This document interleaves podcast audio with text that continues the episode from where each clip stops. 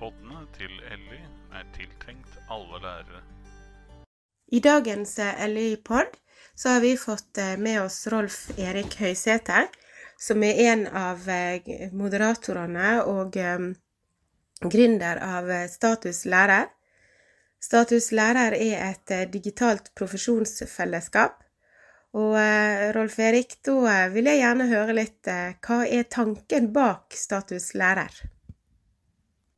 Ja, altså Eh, tanken er jo at, at, statisk lærer skal være en sånn eh, Swiss Army Knife, eller sånn universalverktøy for lærere, eh, hvor vi kan komme til hverandre med alle våre både problemer og løsninger, og også komme i kontakt med, med aktuelle både myndighetspersoner og alt. Og nå, vi ser jo også da f.eks. at uh, kunnskapsministeren eh, legger ut innlegg på siden, og, kan, og du får et, et slags direkte demokrati. Hvor, hvor, man snakker direkte mot de ansvarlige, både øverst i fagforeningene og, og med politikere og journalister. Og, så det, det, er meningen at det skal være et, et jeg kaller det litt spøkefullt av og til for demokrati 2.0. Altså, for det at eh, tidligere så var det veldig liten sjanse for at en eh, vanlig lærer kunne snakke direkte med verken kunnskapsminister eller toppen av fagforeningen for den saks skyld. Sant? Men det kan de nå. altså. Få uttrykt sine meninger overfor de. Ja, og jeg, jeg som eh, yrkesorganisasjonsleder har, eh, har, vært mye innom der for å se altså, så nå har, jeg, nå har, jeg, i dag f.eks. bladd meg gjennom en del av de nyeste innleggene. Og jeg, og jeg òg føler at man blir ganske oppdatert på hva er det som Eller hvor skoen egentlig trykker. Ja. Nesten litt sånn fra time til time. Fordi det, det, hvis man alene skal sitte og orientere seg i alt som foregår, både politisk og profesjonelt, så er det en voldsomt stor jobb. Men Ja. Unnskyld hvis jeg avbryter deg, men, men, jeg så et veldig godt eksempel i dag på ting som eh, altså noen Opptil flere innlegg var om en av, en av, de lærebøkene som er kommet i våre dager fra, i 2021. og hvor Det er en tekst som i hvert fall i mine ører lyder svært uheldige, som snakker om tapertankegang. På, og, og, det, og alt det som blir nevnt som tapertankegang, er vel tanker som de aller aller fleste gjør seg innimellom. At 'dette takler jeg ikke', eller 'dette får jeg ikke til', osv. Og, og fryktelig skummel tekst å bruke, syns jeg. Altså, jeg. For meg ringer alle alarmbjellene på at de bruker den terminologien, taper på det. Og det er tydeligvis andre lærere som har gjort det. det. Det at man veldig raskt blir gjort oppmerksom på tekster som man bør være litt sånn obs på. og sånt. Det er en typisk en ting som vi lærere kan holde hverandre oppdatert på ting som man kanskje hadde fått litt som et uh, sjokk hvis man uh, holdt på å si bare fulgte boken og så blar om en side, og så kommer den rare teksten uten at du er forberedt på at noen har lagt ut, eller det ligger i læreboken. Så ja, det er et typisk eksempel på sånn liten hverdagslig ting som, som, vi kan holde hverandre oppdatert på på en sånn side. Ja, og jeg liker jo veldig når jeg eh, går inn og ser formålet med siden, så ser jeg jo med en gang det digitale profesjonsfellesskapet. Og det, det, tenker jeg at det er jo noe vi har eh, som lærere veldig behov for. For man blir jo veldig knytta til sitt personalrom, sine kollegaer.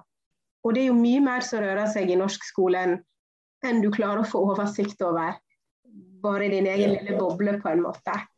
Og I dag så har jo vi invitert deg fordi at vi har jo veldig lyst til å snakke om status til lærere. Um, nå har vi jo vært i en pandemi, og det har vært uh, veldig mye fokus på um, de yrkene man har brukt for. Altså man har, har kritiske en kritisk funksjon, på en måte. Ja. Eh, og, og, vi snakker mye om sykepleiere og, og leger og, og, alt. Men hva med oss? Hva, hva tenker Når jeg er inne og ser på sidene, så, så, så har jeg jo sett mange hjertesukk fra lærere. Ja. ja, det er det jo definitivt. Og jeg har jo engasjert meg en god del i dette her med, med, med koronasmitte og skolen. Og har reagert jo fra begynnelsen av på den rare fortellingen som kom om at uh, man skulle ta all verdens forhåndsregler ellers i samfunnet med, med, med, masker og visirer og vasking og, ja, og, og holde avstand og sånn. Og så kommer man til skolen og på en, en eller annen litt rar måte hevder at skolen skal være en slags sånn smittefri boble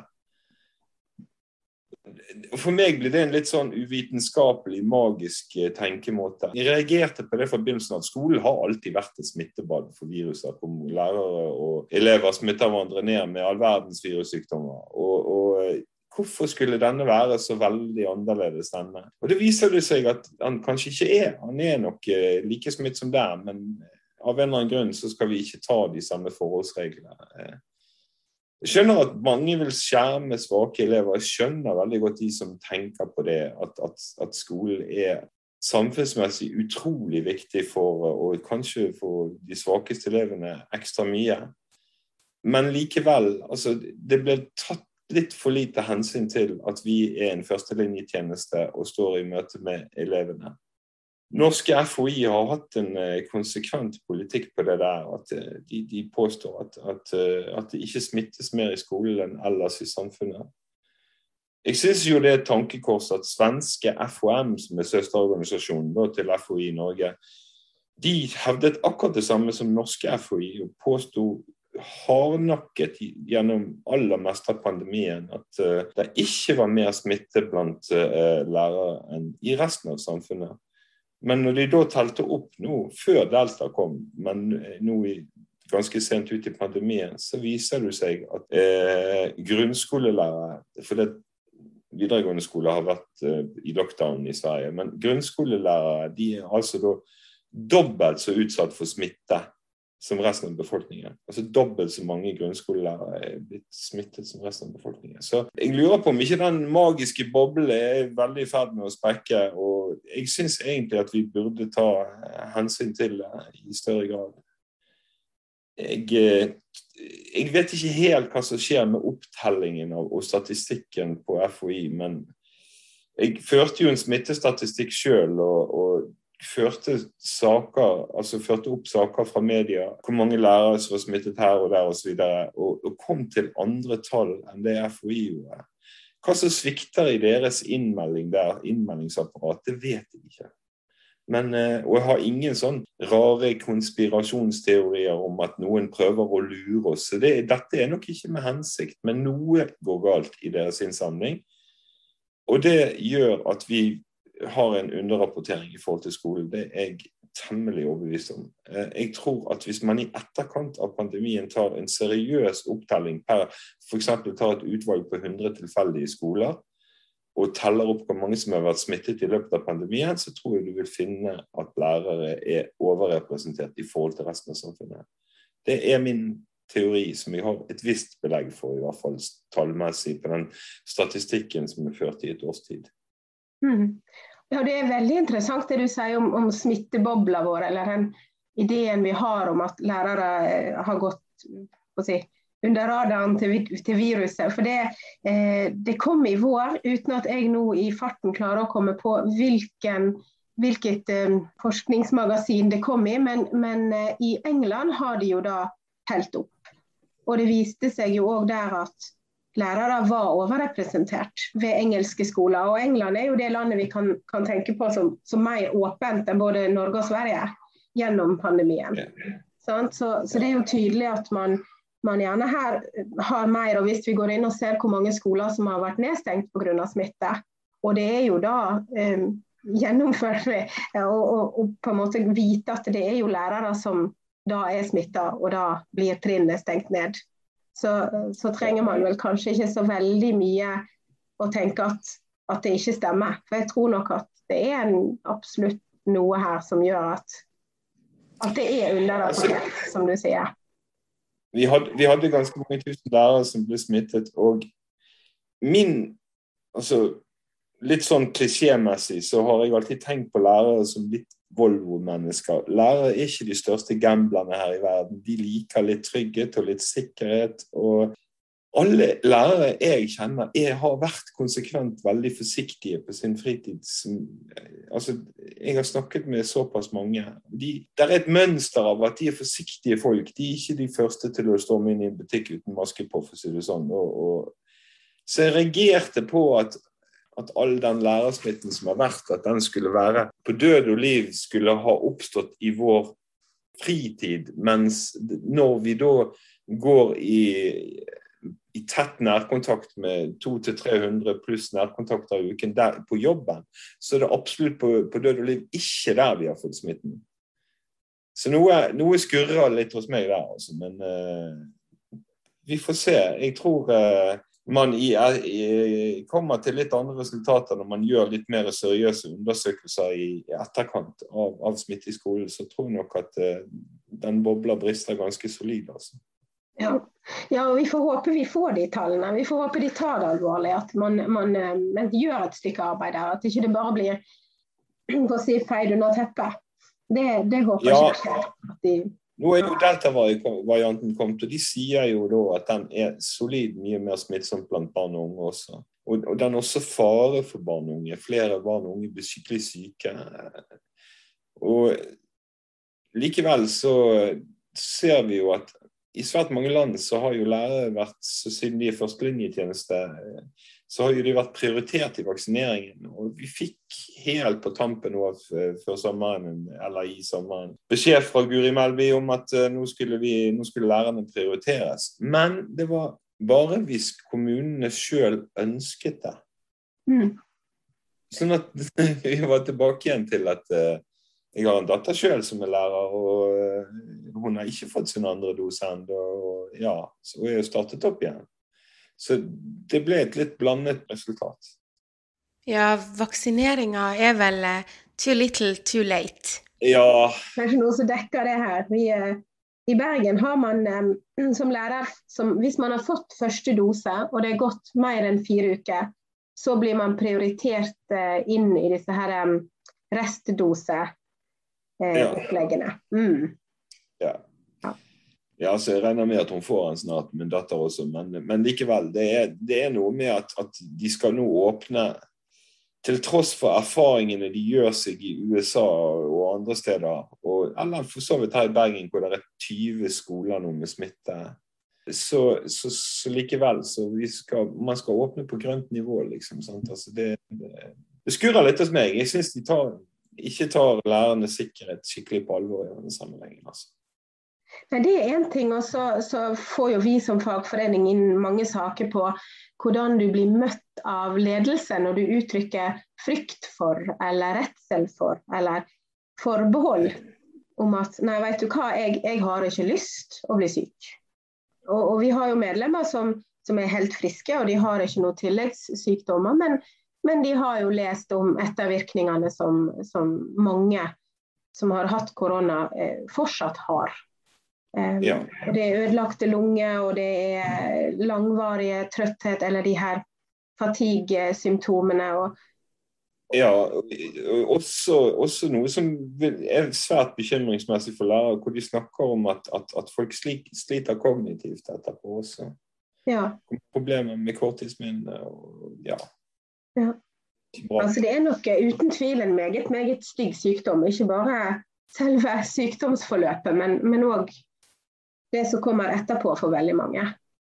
Ja. Um, men da, man, da, da, er vi jo litt inne på det som, som, um, som jeg ser veldig ofte blir diskutert på, på status lærer sine sider, men òg på lærerrom rundt omkring. Og det er jo her hva er en lærer egentlig? Altså hva, vi skal være faglig kompetente, vi skal være pedagoger som står og er gode rollemodeller. og Det er som du sier, sant? det er veldig mange lærere som har vært, og jeg tror nok egentlig de aller fleste, veldig flinke til å ha veldig få nærkontakter. Hatt veldig fokus på at, at de i hvert fall ikke skal stå ansvarlig for smitte. Og jeg føler jo at eh, kollegaer rundt meg og, og andre jeg snakker med, også er veldig sånn opptatt av at ok, jeg er lærer, da har jeg en rolle. Og den har jeg om jeg er på jobb eller om jeg er hjemme. Altså det, det er noe med den her Hvem er det? Ja.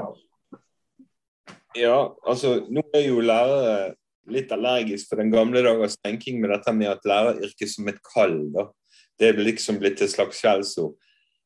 Men når det gjelder eh, altså at lønnsmessig og tidsmessig skal få kompensasjon for det arbeidet man driver, da er jeg veldig uenig i at vi skal påberope oss noe kall. Men eh, hvis vi skal være ærlige, så er det på mange måter et kall. Du er lærer, lærer. Eh, og det er du på en måte døgnet rundt. Når vi sitter på lærerværelset og vi har eh, fri i gåseøyne, så, så så sitter vi og diskuterer eh, elevene våre og episoder og, og, gleder oss over når det har vært en fin fremgang, eller hva det måtte være. Lærer er en, en livsstil, da, om du vil. Kall det et fælt ord i denne sammenhengen, for da begynner folk å si at da får vi ekstraoppgaver fordi det blir forventet av oss at vi skal se det som et kall. Men, men det er nok et, et, slags kall, eller i hvert fall en livsstil og en måte å, å se verden på etter hvert. Da. Etter et langt liv så er jeg så yrkesskadet at jeg kan ikke gå på en strand uten at jeg faller i staver over alle ungene der når de leker og koser seg og, og, og sånn. Men det er jo en, en velsignelse, syns jeg, og jeg gleder meg veldig mye over barn og unge. Eh, som har det kjekt. Og barnelatter, det er ren medisin for sjelen, som jeg sier. Ja, er, jeg jobber jo på barneskole, og jeg, jeg, må nok innrømme at for meg er det òg eh, en livsstil, for du tar dem med deg hjem. Du, du husker de ja. gode tingene, og du, du, har noen barn du blør litt ekstra for. Og så ja, ja, ja. Bruker du vel egentlig, ja, så bruker du vel egentlig kvelden din til å tenke over hvordan du skal angripe de barna som gjerne ikke har det så enkelt. Hvordan, hvordan du skal møte de dagene etterpå. Så det er, det er, en, en, det er livet, på en måte. Er, du slår ikke av. Men eh, det er to ting her som er viktig på en måte å, å tenke over. Det ene er at lærerinstruksen er helt klart utopisk. Det vil si at du kan aldri være alle ting for alle elever. Altså, Skolen har eh, jo ganske riktig sagt at istedenfor at man skal liksom ta hensyn til de flinkeste, eller, eller, bare ta hensyn til de svakeste, så har alle elever krav på en tilpasset undervisning. Og det er klart at hvis du skal på en måte utfylle hver enkelt barns potensial og dekke deres behov og problemer, og gi alle den individuelle omsorg de trenger, det har noen mulighet for å gjøre med en klasse. Du, du, er ikke i nærheten av å kunne gjøre absolutt alt man burde ha gjort overfor en klasse. Det, det blir litt sånn som man ser når man har hatt uh, møter med, med f.eks. PPT om en, om en, elev som har spesielle problemer, f.eks. Så lager PPT en handlingsplan og Det som nesten alltid er felles for de handlingsplanene, det er at de legger opp på en måte en full times engasjement for hva læreren skal gjøre i forhold til den ene eleven. Mens vi har gjerne 25 andre elever som har sine behov. Eh, og, og som da som de ikke tenker på at vi skal gjøre alle de tingene samtidig, og samtidig skal du undervise for, få gjort det faglige. Man skjønner egentlig ikke hvor mye som skal til for å undervise. og de utenforstående, de som ser det enkelte barnets problem, de, de, de, de, ser på en måte læreren som at her har de en ressurs som vi kan bruke til å, til å overvåke det barnet i, i en time om gangen, holdt jeg på å si. Sant? Når de har og, og, Sånn fungerer det ikke, og sånn kan det ikke fungere. Vi har hensynet til alle de andre. Så vi har på en måte en utopisk arbeidsinstruks. For dette er jo bare én liten del av det. Du skal være oppdatert faglig, du skal ha overordnede målsetninger, du skal eh, gjøre utrolig mange forskjellige ting.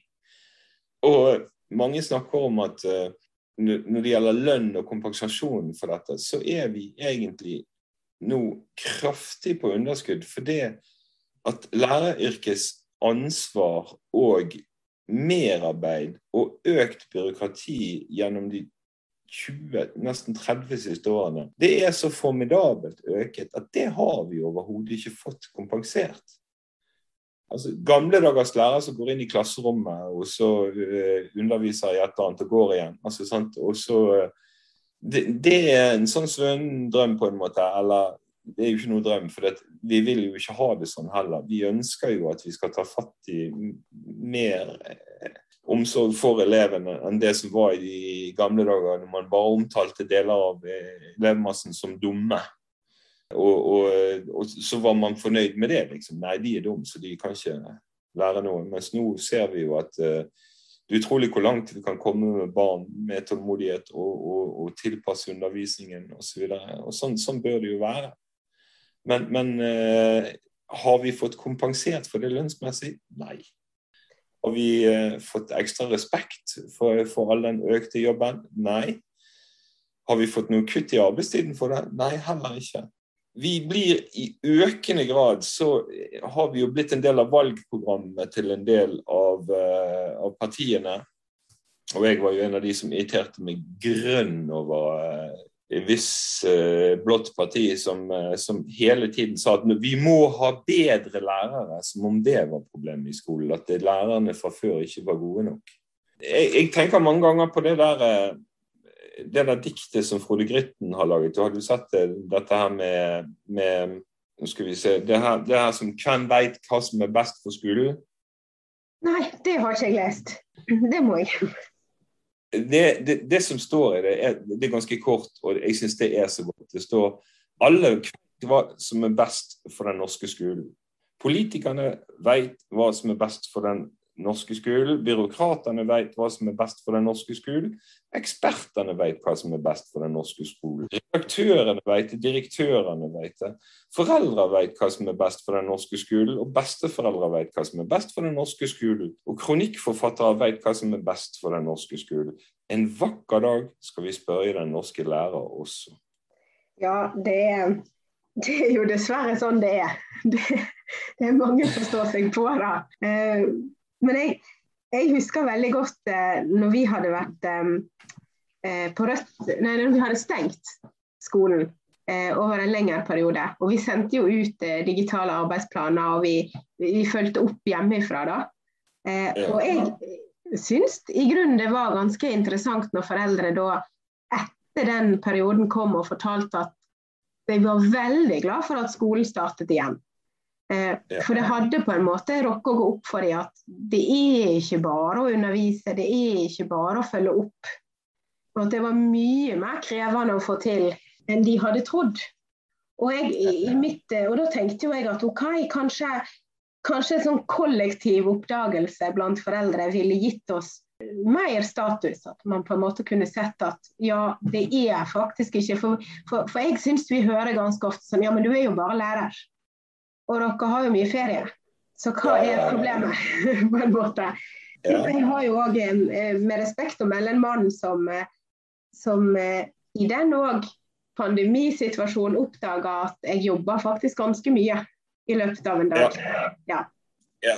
Og det er noe som jeg alltid prøver å poengtere. Det er at vanlige arbeidstakere i Norge som ikke er under skift eller andre sånn spesielle ordninger, de har 37,5 timer i uken. En lærer er pålagt å arbeide 43,5 timer i uken. Det er grunnen til at vi kan avspasere eh, vinterferie og høstferie og, og eh, ha, ha, avspasering i en del av, av, av elevenes eh, skoleferie. Det er viktig at, at folk vet at, at uh, det bør ikke være annerledes. altså at Vi skal forstå at noen jobber mange timer i Nordsjøen, og så får de mye fri etterpå. Men, du, men det lærerne de har det liksom som et gode. Men det er jo et gode eh, som er pga. noe. Sant? Det er jo pga. at de har regnet seg frem til at, at, man må faktisk jobbe for å gjøre en brukbar jobb. Så må du jobbe 43,5 timer i uken i snitt. Og så har du uker hvor du gjør litt mindre enn det, men du har også uker hvor du gjør veldig mye mer enn det. Og jeg tror at mange nye lærere jobber mye mer enn det i snitt. For... Ja, jeg tror nok at andelen eh, nyutdannede lærere som jobber mye, mye mer enn det, er ganske stor. Ja.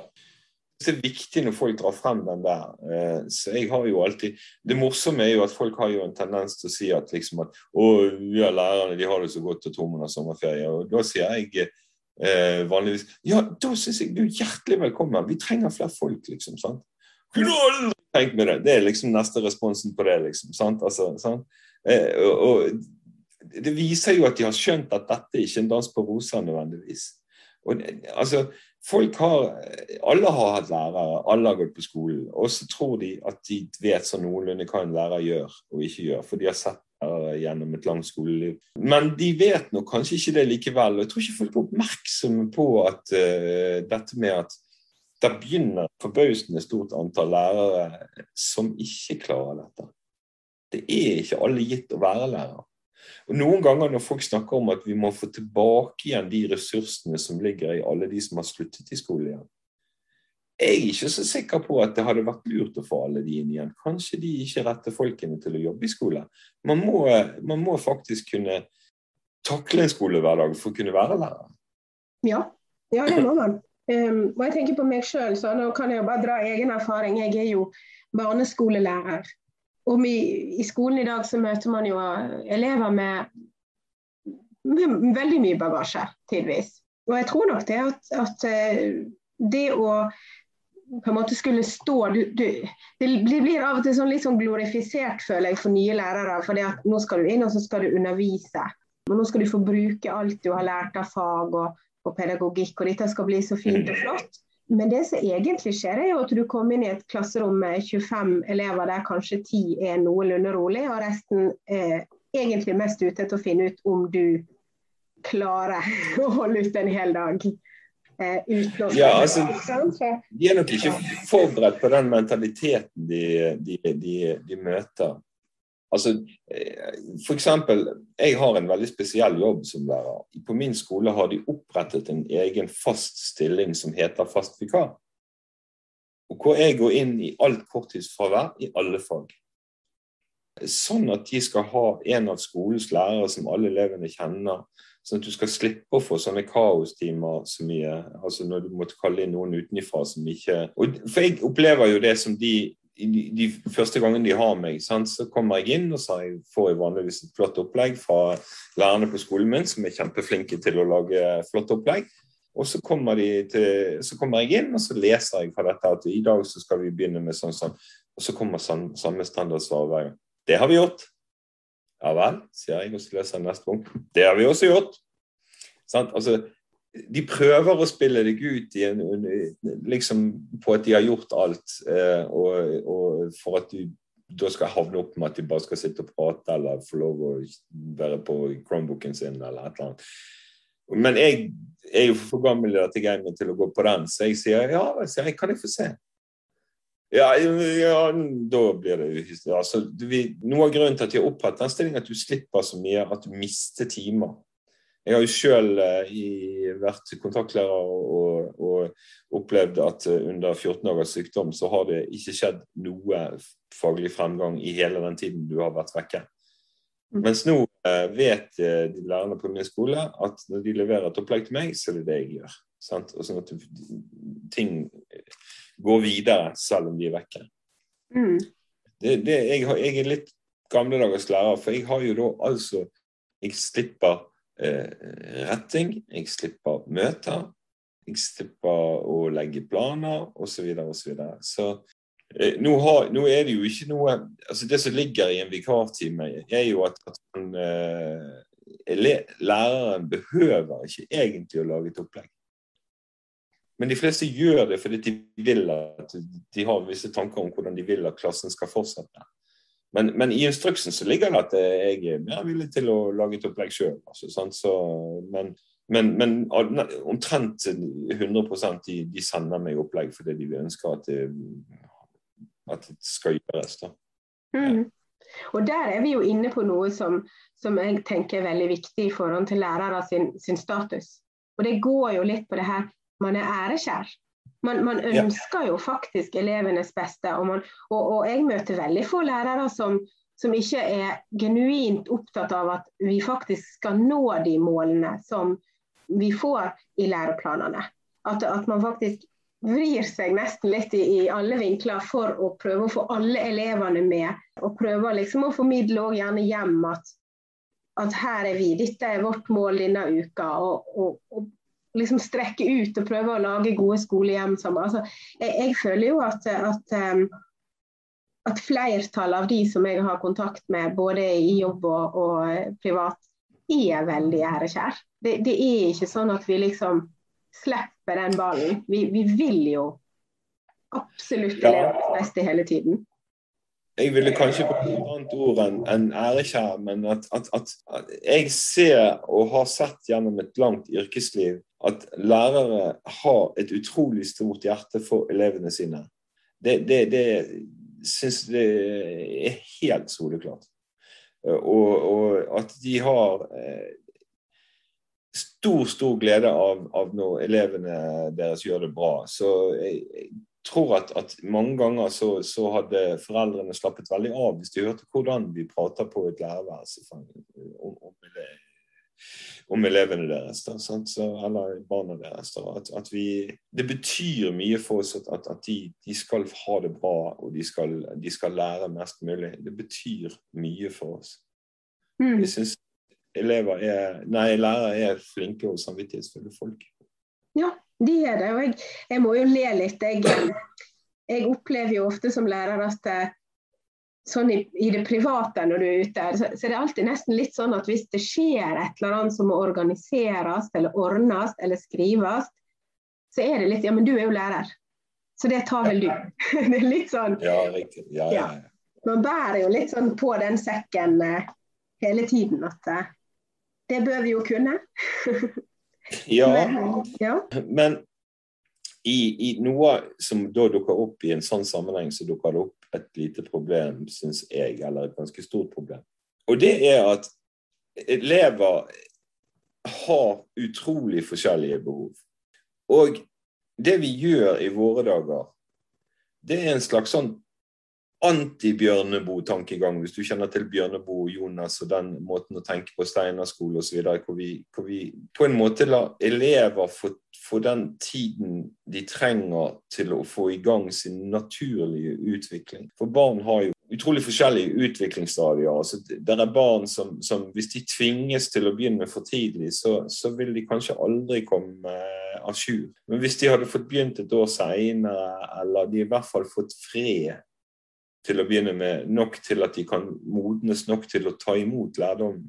Jeg tror det er fra, på en måte fra et godt hjerte at folk setter, sier at det skal settes inn masse ressurser i første klasse for å avdekke hvem som ikke følger med i løpet osv. Men jeg tror det er et øket press på at uh, elever skal følge normen, aldersnormen. Og det tror ikke er til elevenes beste.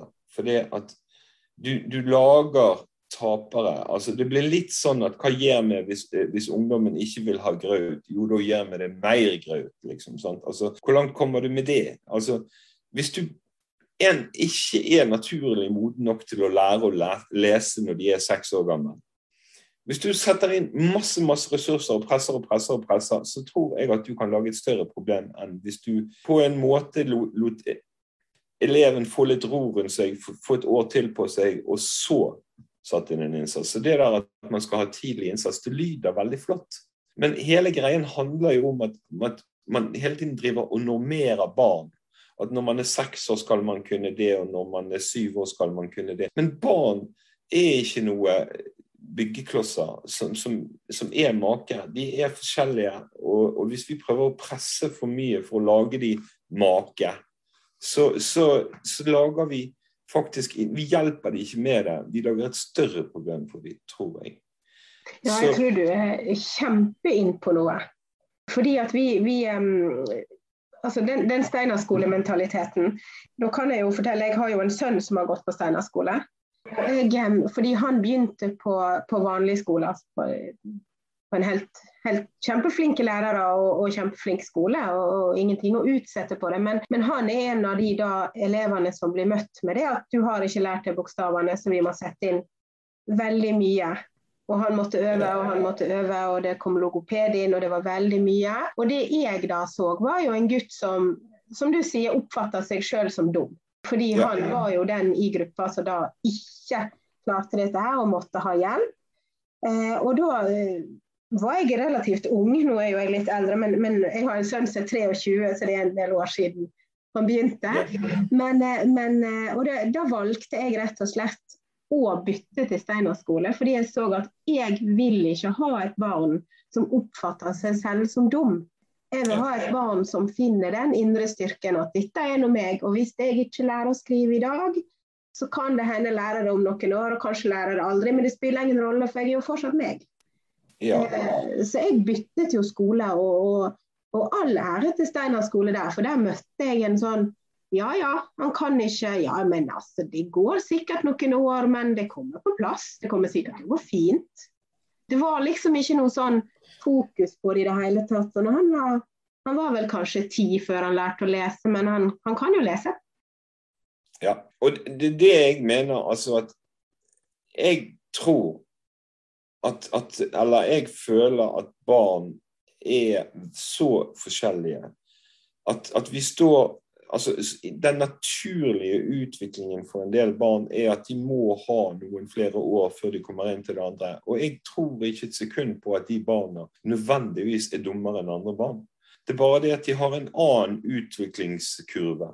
Og, og, og, de trenger mer tid på seg. Og jeg føler at vi er i ferd med å gi dem mindre og mindre tid. De skal presses inn i aldersnormering eh, på alt mulig. Og en del av dette her løpet med, med, med, med nasjonale prøver på ditt, og vi skal måle datt, og test- og måleskole, som jeg er litt allergisk for, for å si det sånn. Jeg, jeg er ikke glad i de tingene. Jeg eh, syns vi har for liten respekt for de individuelle forskjellene, de individuelle naturlige forskjellene hos barn.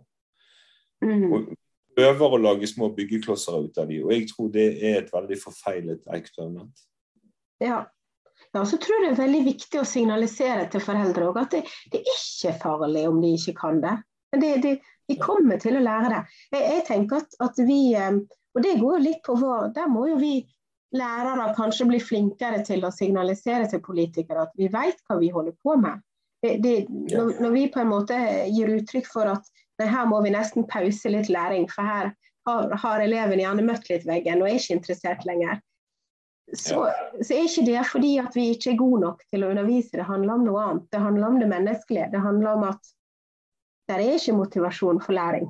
Og da vil man faktisk ikke ha noe. Jeg jobbet sammen med en uh, veldig hyggelig og flink kollega som nå er pensjonert, som het uh, Kjell Haaland ute på Sund ungdomsskole.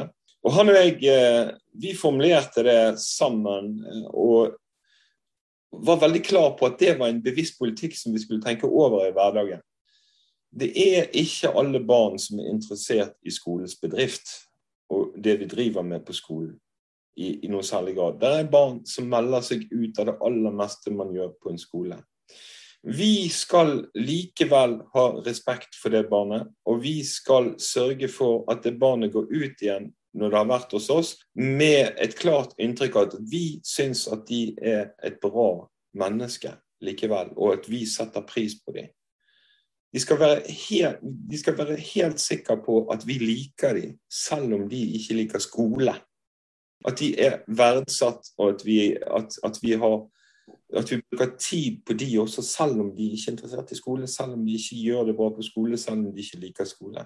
Så skal vi vise dem at vi syns de er gagns mennesker likevel. Gi dem et veldig klar idé om at vi setter pris på det. Og, og den der, helt bevisst det at vi formulerte det sammen, eh, formet meg litt som lærer, føler jeg, som gjør at, at, at, at at vi har fått utrolig mye igjen for det. Altså, sant? Med elever som i etterkant som ikke gjorde det så bra på skolen, men som har gjort det veldig bra i livet. Og som kommer oss i møte når vi treffer dem tilfeldig, og som er, viser at de setter pris på oss. Og det, det, det, er veldig kjekt når det kommer fra barn som ikke setter pris på skole. At, at de kommer oss og, og, og, er glad for å møte deg likevel. Eh, og viser det helt tydelig. Det, det er veldig kjekt. Ja, ja. Det er grådig kjekt. Når de lykkes eh og, og, spesielt kanskje hvis du vet at dette er en elev som, som ikke kunne lykkes hvis det hadde blitt for mye taperstempel på vedkommende, rett og slett. Ja. Det, det, den outsider-faktoren, det å ikke gjøre folk til utskudd og sånt, for særlig sånn som vi snakket om i sted, med dette med barns naturlige utvikling, at, at den varierer såpass man gjør. Eh, at, vi da lager utskudd av elever som er helt normale, både intelligensmessig og på alle mulige andre måter, men de har en annen utviklingskurve enn den normalen som er satt opp, på en måte. Den normerte hva man skal kunne, seks år, syv år osv. Vi må være veldig forsiktige med at ikke vi lager tapere ut av helt normale barn. Ja, absolutt. Og så er det noe òg med du, du, du, snakker om utvikling. Jeg er òg opptatt av læringsstiler. Altså hva, hvordan lærer jeg best, f.eks. Sånn, ja. sånn, personlig så kan ikke jeg sitte med et bord og lese og lære. Jeg er en person som gjerne skummer en tekst, og så trenger jeg noen dager bare på å gå og tenke på hva jeg egentlig la, så så gjøre meg opp en kunnskap omkring det, på en måte.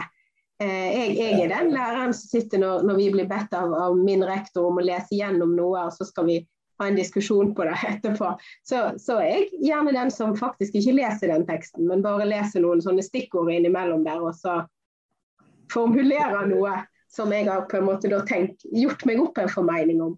Sånn at det er noe med at vi, vi har jo òg en skole som er veldig forma med pulter, med blyanten, med Sånn presenterer vi det, og nå er det norsk, og så er det matte. og, og at Det på en måte går, det, det, er veldig strukturert, og for veldig mange barn så er jo den strukturen ekstremt viktig.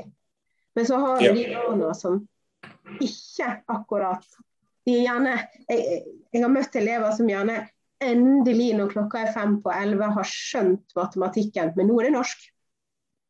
Ja. Så vi er ferdig. At du, du har skjønt det, det er fint for deg, men nå skal vi gjøre noe annet.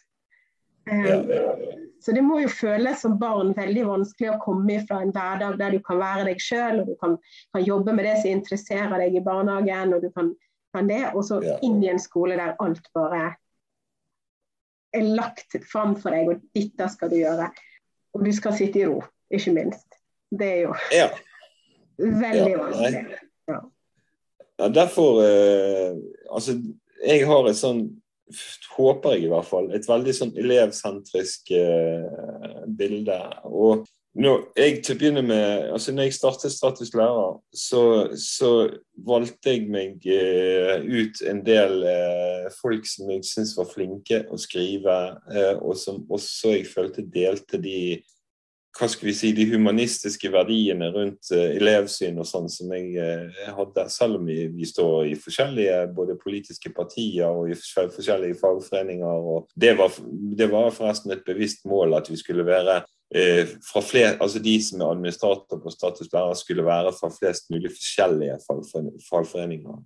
Så vi valgte, så vi hadde fire forskjellige fagforeninger blant administratorene. Og også forskjellige utdanninger, forskjellige politiske ståsteder osv. Selv om eh, et godt flertall som lærere flest er nok eh, et sted på, på eh, venstresida. Altså, det var meningen å få med seg folk som jeg syns var, var, var både flinke å skrive, gode å formulere ting for, for, eh, på lærernes vegne og for, med et godt elevsyn. Og Det syns jeg er veldig veldig fornøyd med de folkene vi har hatt som administratorer på, på statuslærer. Ja. ja.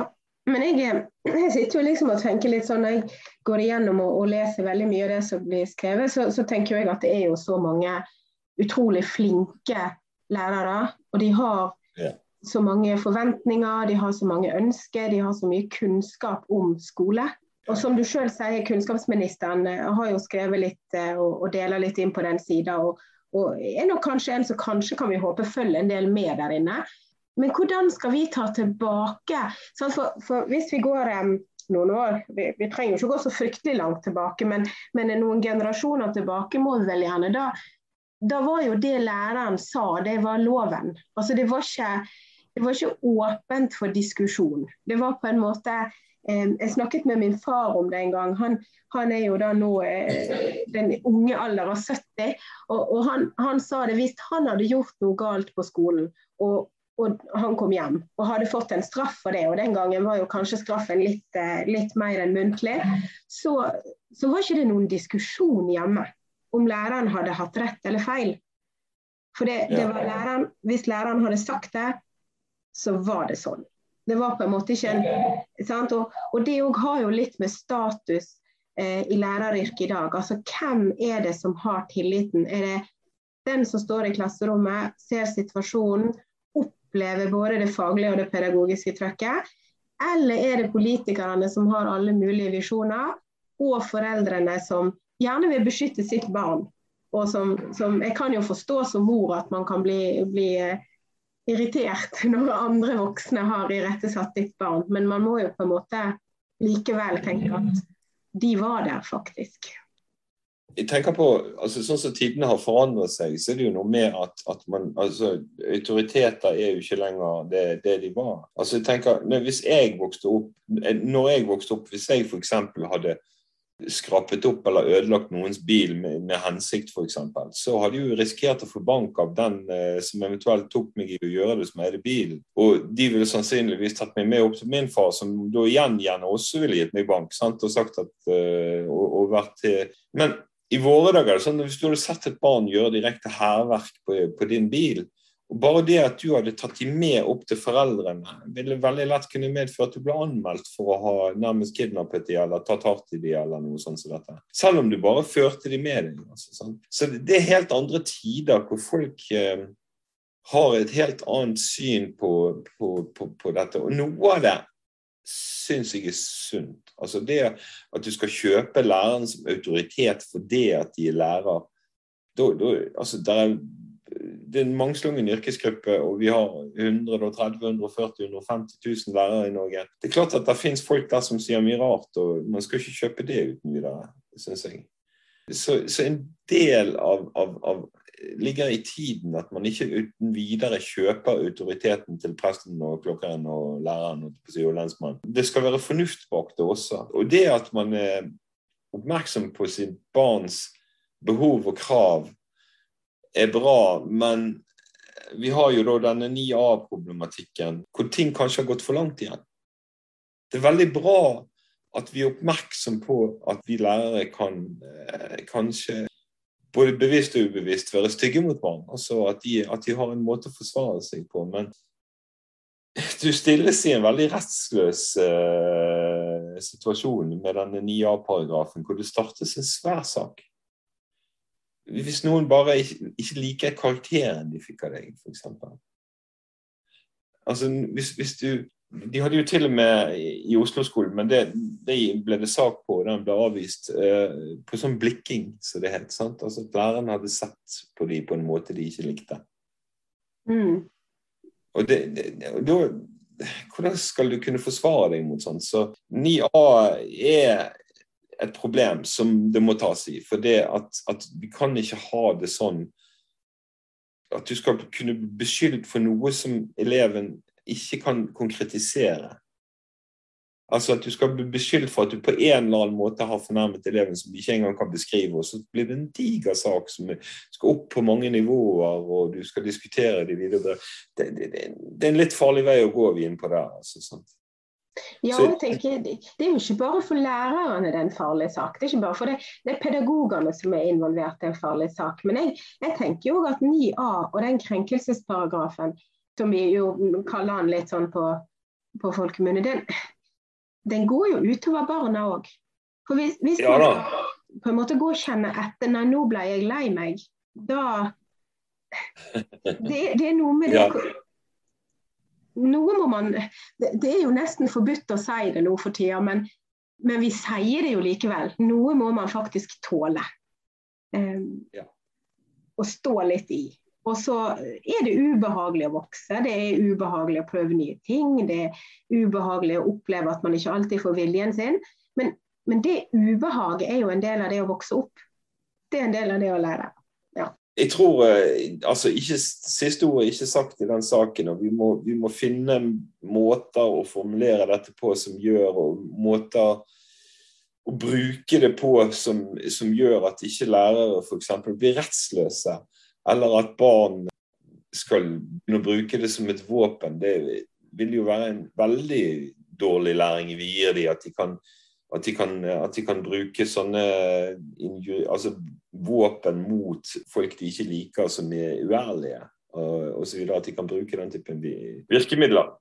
Men eh, når det er sagt, så er jo også det er et problem at vi gjennom alle år i skolen, samme hvor mye vi har prøvd å tilpasse og, og gjøre elevenes beste, samme hvor mye lærerne vil elevenes beste, så er det en del, en god del per år i Norge av ungdommer som føler seg som utskudd og tapere, og, og, og som føler seg dumme, og som hater skolen for resten av livet.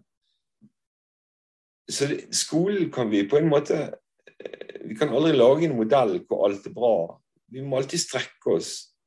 Og vi må i fremtiden også prøve, føler jeg, å se hvordan vi kan nå også de elevene i større grad. Mm. Ja, absolutt. Og det er vel kanskje noe av det som, som vi i Lærernes yrkesforbund er veldig opptatt av når vi snakker om, om status på lærere. Så er det det å tørre å si ifra, da.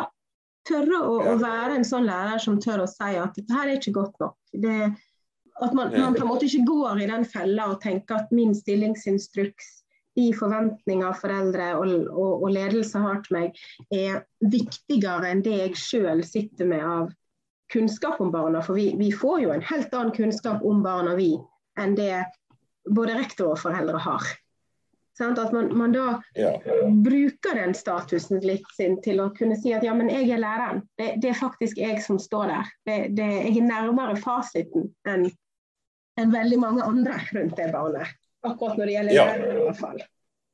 Ja. ja, det er jeg helt enig i. Så vi må jeg, jeg, vet ikke om det er veien å gå nå som vi gjør med altså, Nå har vi innført at fra nå av skal jo alle lærere være lektorer. Og, altså, skal vi bare pøse på, og så snakker man om, om, om sånn altså De som litt sånn ironisk blir kalt for superlærere, men lærerspesialister, da, som, som ofte oppe på doktorgradsnivå av undervisning igjen, nesten, er, hvor det faktisk har vært foreslått å gi de doktorgrad også. Altså, men det begynner å bli litt vel mye inflasjon i at hvis det er bare utdanning som skal gi oss den statusen tilbake. Hvis vi ser til Finland, så jo, har jo lærerne langt større autonomi i yrket enn, en vi har. Jeg tror fagforeningene våre i større grad må være bevisst på det og prøve å sette foten ned i forhold til, forhold til alle, alle, disse styrebegjærlige, alle de som har så mange tanker om dette må vi ha i skolen, og dette skal vi gjøre i skolen. Folk som ikke vet og kan egentlig noe om skole og de problemene du møter når du skal prøve å dekke behovene til så mange elever på en gang. At, vi, vi, må, vi, må, se litt på dette diktet til Grøten som sier noe om, om, at alle har lyst til å styre skolen på en måte. Og så, og så spør vi ikke lærerne vi må ha det inn og, og, og få fagforeningene med på å etablere ordninger som sier at du kan ikke ha et skoleutvalg uten at det sitter aktive lærere i det utvalget. Du kan ikke ha komiteer som skal lage planer for hvordan skolen skal fungere, uten at det sitter aktive lærere i den komiteen osv. Vi må få tilbake litt av statusen og medbestemmelsen i dette. Mm. Ja, det tror jeg er. Og der håper jeg jo nå at, at siden det er noe valgår, og vi skal eh, snart stemme og, og, bestemme om vi skal være blå eller grønn eller rød, så tenker jeg at det må jo være noe av det viktige for, for både mine medlemmer, men òg alle andre lærere. Les deg opp på hva er det partiene vil ha her? Hva slags skole er det de ser for seg? For jeg, jeg, jeg må innrømme at nå, nå, nå er vi jo vært veldig blå, og det er veldig fokus på kompetanse. men men, men eh, jeg sitter òg og er nyutdanna eller fått, fått, mer kompetanse i matematikk eh, enn jeg hadde og har tatt den um, nødvendige for å få lov å fortsette som lærer. Fordi jeg mangler den kompetansen. Men, men, men, det som jeg da gikk inn til min rektor og sa, var at eh, jo, nå har jeg um, lært matematikk, men jeg har lært noe mye mer enn det. Jeg har lært at det er gøy å lære matematikk. Det er det jeg tar med inn i klasserommet ikke tingene jeg har satt der likhetstegn under. Det var mindre interessant, for å si det sånn.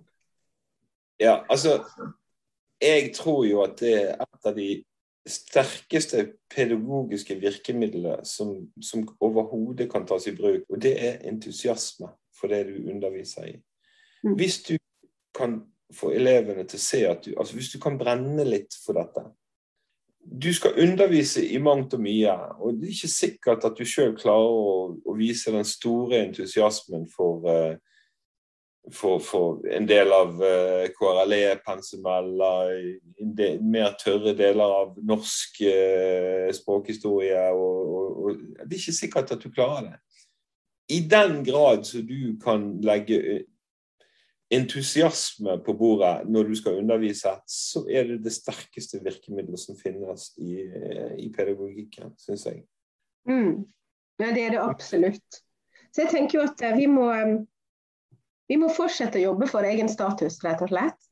Men eh, mm. vi har jo òg eh, noe som, eh, som jeg føler drar statusen vår bakover, og det er jo lønn. Ja. ja. Vi, ja, vi, sakker akterut. Vi sakker akterut, og vi ser at uh, selv om altså Siden Norge generelt har et høyt lønnsnivå, så blir, ofte, så blir ofte, statistikken brukt som, som, ren løgn og fanteri for å vise at jo da, ser vi Norge tjener lærere så mye, og i andre land i Europa så tjener de mindre. Men hvis du ser på hva lærere tjener i forhold til landsgjennomsnittet i europeiske land, så ligger vi langt under OECD-landene i, i, de Altså i prosenten av det Altså hvor lærerne ligger i samfunnet på sin lønns... Eh, vi ligger lavt der. Så altså Det blir litt sånn ironisk når de skriker på altså De har liksom funnet ut at utdanning og enda mer utdanning, og så utdanning på toppen av utdanningen, det, det skal gi oss mer status. Men det er helt klart at, at hvis, hvis, man økte lønnene, så ville man få større så ville man få større lærerdekning jeg er ikke overbevist. altså Nå sier jo de at, at, at pga. at barnekullenes naturlige nedgang, altså eh, ren demografi, så, så vil lærerbehovet ikke bli eh, så ille som de hadde snakket om. altså Fordi at vi mangler flere og flere lærere. At det vil snu pga. at barnekullet blir mindre. Ja, jeg er ikke så sikker på det. Hvis den utviklingen fortsetter som nå, så, så vil dette problemet med frafallet fra yrket og innsøkningen til yrket det vil synke såpass mye at det vil bli et enda større problem enn det allerede. Og jeg syns jo at noe av det som fagforeningen burde stå hardest på, det var å insistere på at barn har, barn og ungdom, og også videregående skoleungdom, har rett på undervisning fra kvalifiserte fagfolk. For det at Samtidig som læreren, som, som f.eks. denne høyreskolen skryter av at de skal ha lærere med så og så høyt utdanning, så har de jo åpnet aktøren for fullt for å ta inn folk fra, rett fra gymnaset og så inn og undervise. Og, sånn at, og det blir flere og flere ufaglærte som underviser i skolen, og det syns jeg er et problem. For det at det vi du ville ikke ta imot eh, en, en, en, en, ungdom fra, rett fra videregående til å styre flyet ditt eh, til, eh, til, London. Og du ville ikke ta imot en som skulle skrive ut piller til deg på, som var ufaglært. Det er for liten respekt for at det vi faktisk lærer som lærere, det er viktig. Det er viktig at vi kan ta oss av alle ungene. Ikke bare at vi kan matematikken og at vi til og med kanskje kan være entusiastiske og få frem matematikken. Men du skal gjøre mange mange, mange andre ting samtidig. Når du går rundt i det rommet og underviser i matematikk, så har du som lærer som kjenner klassen din, tusen andre ting som ligger i bak i hodet samtidig. Du vet at han har lett for å bli lei seg. Du vet at den sitter nå alene fordi den er vekke, og da får de ikke gjort noe. Du vet at hvis du går rundt, så, så, så, stopper du tilløp til uro mellom den og den og den, fordi du plasserer deg der. Alt det gjør du helt ubevisst, og du gjør tusen andre ting. Tusen flere ting. Det gjør du helt ubevisst når du går rundt der og, er, og underviser i matematikk. Så det å tro at noen kan komme utenifra og, og, og bare være en god matematikklærer, det er ikke så enkelt. Vi lærer så mye mer enn det. Og vi har så mange andre hensyn i hodet når vi underviser den matematikken. Mm. Eh, at vi, skal, vi, vi, må ikke finne oss i at, at, å tro at ufaglærte kan gjøre den jobben på en skikkelig måte. For det er så mange hensyn vi har å ta til elevene i våre dager. Og sånn skal det også være. Mm. Ja, og jeg tenker at det er noe som er veldig viktig å ta med seg når man diskuterer læreryrket. At det er det er såpass mangfoldig at den lønnen for kompetanse, det, det er ikke til å kimse av. Og at det er jo, Vi ser jo at de som holder ut, de holder enten ut fordi de virkelig brenner for læreryrket. Eh, eller så holder de ut fordi de altså Jeg har jo hørt utsagn som at jeg finner ikke noe annet. Altså Jeg har prøvd å søke, men jeg har ikke fått noen andre jobber. Eh, så de holder litt ut bare på, på at de ikke finner noe annet. Men, men jeg tror jo at de virkelig gode lærerne som blir utbrent Eh, fordi man står i et klasserom med 25 elever, og kanskje har man ikke den økonomien på den skolen til å kunne dekke inn assistenter eller dekke inn to lærere, så kan det jo tenkes da at hvis de hadde høyere lønn, så ville de kanskje tenke at i hvert fall det er verdt det å stå lenger i yrket. Fordi jeg, jeg, jeg får jo mer betalt for den jobben her enn ja, fått hvis jeg bytter. Men, lønns, men også arbeidstidsbetingelser. Dette som du nevner om, om, om at eh, kommuner da altså, får hele tiden ekstra midler for de som er mer eller mindre øremerket skole. Men likevel så har kommunene så mange poster i sitt budsjett som de ikke får til å gå i hop, at mm. skolen blir som en salderingspost likevel.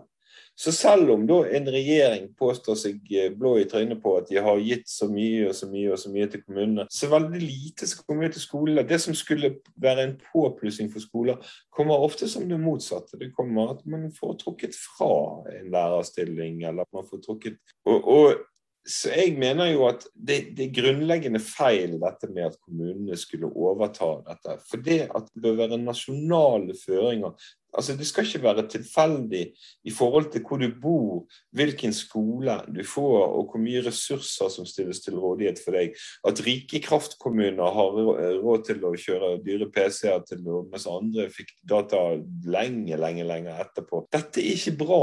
altså det at, at du får kommuner med så store forskjeller. Jeg mener at det, når det gjelder ressurser og hvor mye som skal være i hver klasse og lærernormer osv., det bør være nasjonalt. Det skal ikke være opp til en anstrengt kommune, en, en, kanskje en sånn Robak-kommune som, som, som går, er i ferd med å gå konkurs, og så skal det kuttes til beinet på den lokale skolen. Mens nabokommunen er en kraftkommune, og så har de overflod til å, til å, drysse sine milde gaver over skolen. Det er ikke rett, altså. Elevene har krav på likeverdige forhold, føler jeg. Og Da må det ikke være opp til kommunene, men det må være nasjonale føringer på hvor mye skolen skal koste, og hvor mye man skal spandere på hver klasse, og hvor mye ressurser som en lærer har krav på å få. Vi er jo ikke lenger sånn at, at, en, en, at det er én lærer og én klasse, og så, så, så, stenger man døren, og så er man kaptein på egen skute. Nå har man jo en hel stab av flinke fagfolk og andre eh, assistenter og helsesøstre og masse andre folk. Sykepleiere, spesialarbeidere og, og all verdens flinke assistenter. Som skal, som skal bidra til at elevene får det best mulig. Og vi er avhengig av de. Det skal ikke være tilfeldigheter som avgjør om du får, de, får dekket dine elevers behov. Og for så vidt dine behov. For hvis du ikke får de ressursene, så er det klart at da er jobben din utrolig mye tyngre også. Det, det, det bør ikke være så tilfeldig som det er nå, syns jeg. Det må egentlig det, det, må være nasjonale føringer på disse tingene. Vi må få fagforeninger som er flinkere til å si fra om det. Mm. Ja, jeg støtter deg eh, helt i det. Og som fagforeningsleder så er jo det absolutt noe jeg ønsker å ta tak i. Og det er litt derfor jeg har denne her eh, podkasten òg. Fordi at jeg ønsker å få ut hva er det som rører seg. Hva er det eh, kunnskapsministeren vår kanskje burde lytte gjennom her i denne poden for å få innspill. Hva, er det som blir diskutert? Hvorfor blir det diskutert? For man sitter kanskje litt på toppen, og så ser man eh, at det er kjempe, det er en fagfornyelse, flotte bøker, kjempegod pedagogisk tenking i og for seg.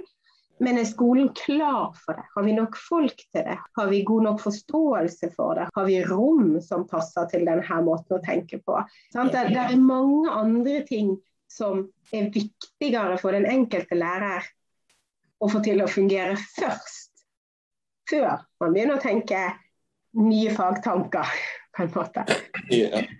Her i Bergen så var vi jo i, i VG via Søreide skole her en dagen, hvor, uh, hvor man da har en sak om at, at, elever har så mye bråk rundt seg på et klassetrinn, får da anbefalingen å ta på seg øretelefoner for å stenge ute de bråket der. Fordi at man har en sånn såkalt baseskole jeg vil vel tvile veldig sterkt på at noen lærere som har vært i jobben i noen år, ville anbefale å ha 90 unger på samme rom. altså.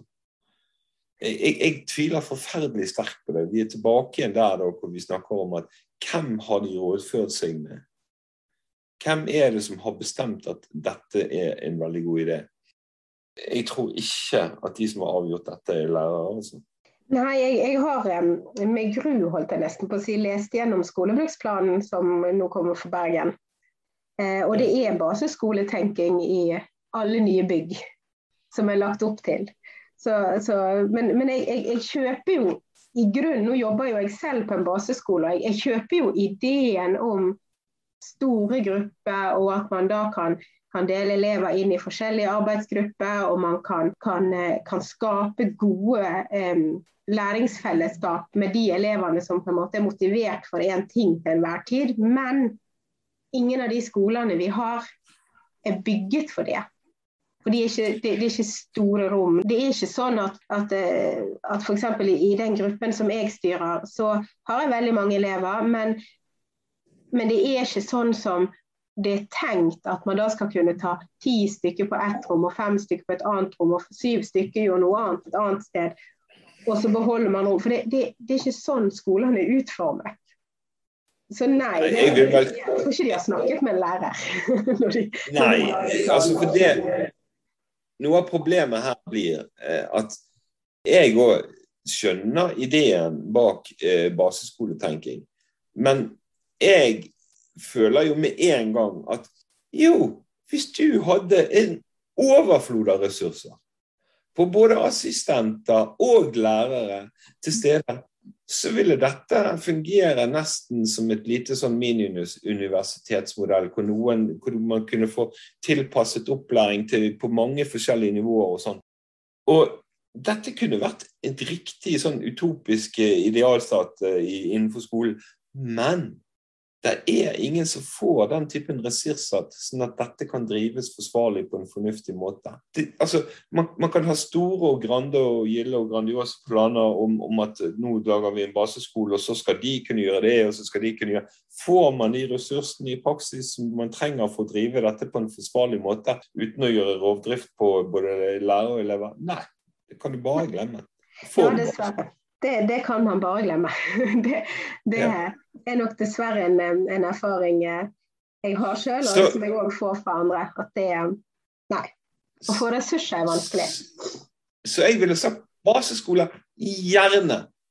Men da skal du jammen få stille opp med ressurser til det, at dette kan drives på en forsvarlig måte. Og Hvis du ikke kan love meg det, og sette det på papir med to streker under svaret og skriftlig løfte, så er jeg mot baseskoler.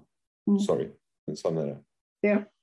Ja, jeg, jeg, Veldig få tankeganger. Jeg syns det er skjønne pedagogiske tanker. Flott. Kunne vært til elevens beste. Men det krever en ressursbruk som du ikke kommer noen gang til å være i nærheten av å få.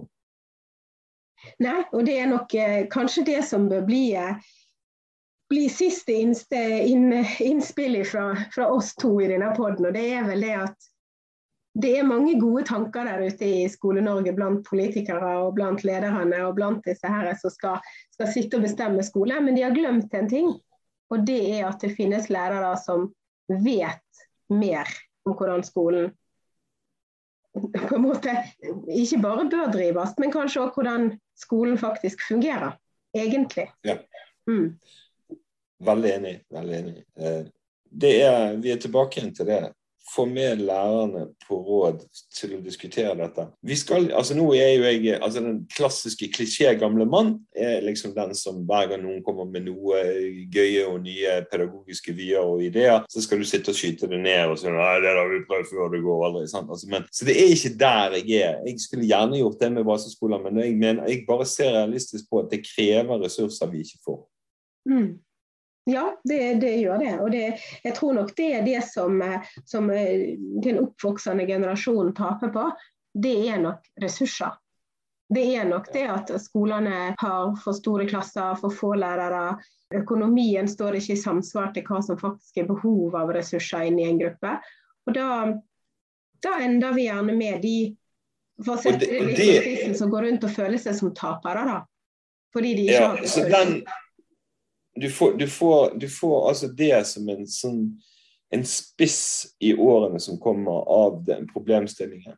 Nemlig at det stilles større og større og større krav til hva en lærer skal gjøre, hva en lærer skal kunne, hvilken utdanning de har, og hvor stort ansvar de har overfor hver enkelt elev. Samtidig som det ikke kommer verken økt lønn for disse tingene, eller at det kommer økt de ressursene som trengs for å møte de enorme kravene som, til både dokumentasjon av alt du gjør, og alt det andre du skal gjøre som lærer. Så det, den, den der problemstillingen kommer til å bli mer og mer aktuell. Og før de løser den, så kommer de også til å skyte ned hele eh, rekrutteringen til yrket. Fordi at det blir for tungt i forhold til at de stø, setter Altså kravene bare øker og øker og øker. Og lønnen er dårlig. Ressursene blir svakere og svakere. Og da da kommer vi til å slite fremover. Det der er, det der er fremtiden akkurat nå. Altså. Mm.